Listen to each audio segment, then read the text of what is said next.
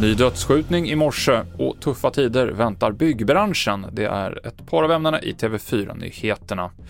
Vi börjar med att berätta att det brinner kraftigt hos en av landets största äggföretag, CA Cedergren utanför Mönsterås i Småland. Det är ett hönsstall i Fliseryd som fattat eld och spridningsrisken är stor. Ett 20-tal enheter från räddningstjänsten är på plats. Tidigt i morse så sköts en man i 20-årsåldern till döds i Södertälje. Polisen larmades vid halv fem-tiden i morse om att flera skott hörts i stadsdelen Blombacka i Södertälje. En ung man hittades utomhus på en gård vid ett flerbostadshus och förklarades avliden på platsen. Ännu är ingen gripen och ett stort antal poliser deltar i jakten i Södertälje nu under morgonen. Polisen har fått in vittnesuppgifter och har ett signalement på de misstänkta gärningsmännen. Man undersöker även om skjutningen är kopplad till gängkriminalitet. Reporter Axel Ellung.